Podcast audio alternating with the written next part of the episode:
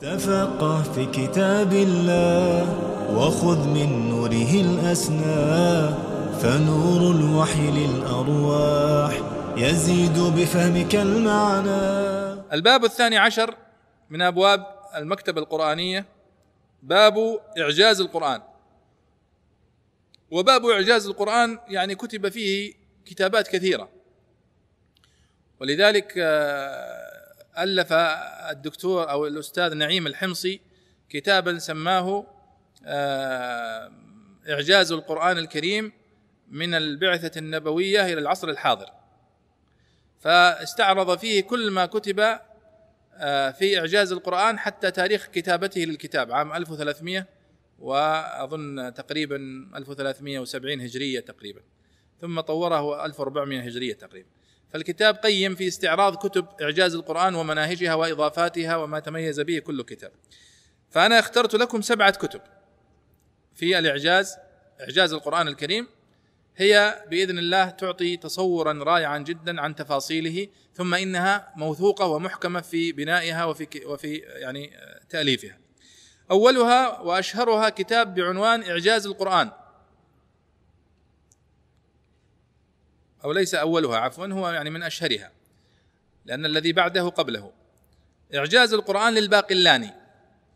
إعجاز القرآن للباقلاني المتوفى سنة 403 هذا الكتاب يعتبر عمدة من كتب إعجاز القرآن وهو من أول ما صنف كتابا برأسه بهذا العنوان وأفضل تحقيقاته تحقيق طبعة دار المعارف التي حققها الأستاذ السيد أحمد صقر رحمه الله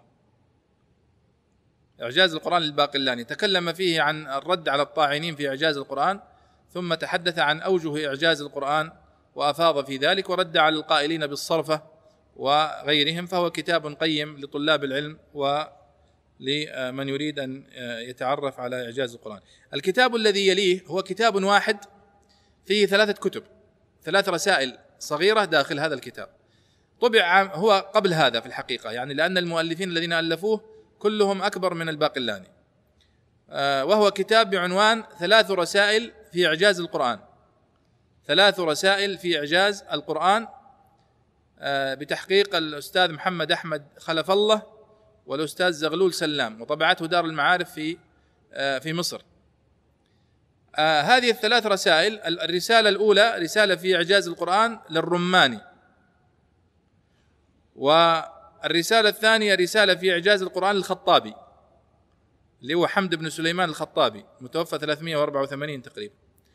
والرسالة الثالثة اسمها الرسالة الشافية في إعجاز القرآن وهي للعلامة الكبير عبد القاهر بن عبد الرحمن الجرجاني متوفى سنة 470 فهذه هذا الكتاب من الكتب المشهورة وهو كتاب صغير فالذي يقرأه يطلع على كيف بدأت الكتابة في إعجاز القرآن عند الرماني والخطابي والجرجاني.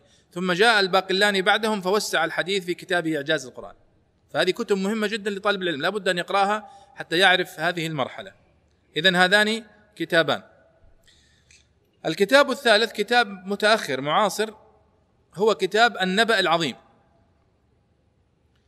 للدكتور محمد عبد الله دراز رحمه الله. كتاب النبأ العظيم يجب على عليكم أن تقرأوه. يجب عليكم أن تقرأوه.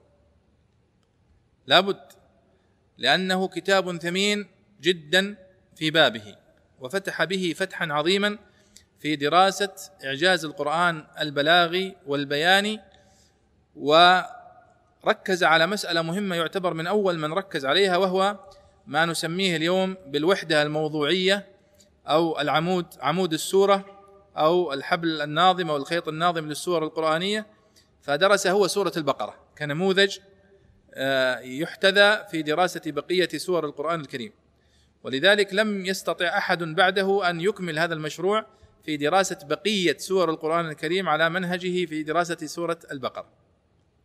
وهو كنز من الكنوز الموجودة والمتاحة بين يدي طلاب العلم وهم عنه غافلون. كتاب النبأ العظيم دراسة في إعجاز القرآن للدكتور محمد عبد الله دراز. ومن أجود طبعاته طبعة دار طيبة في الرياض وله طبعات كثيرة يعني وكلها جيدة لأنه نص معاصر يعني مخدوم ليس فيه مخطوطات مفقودة ولا شيء.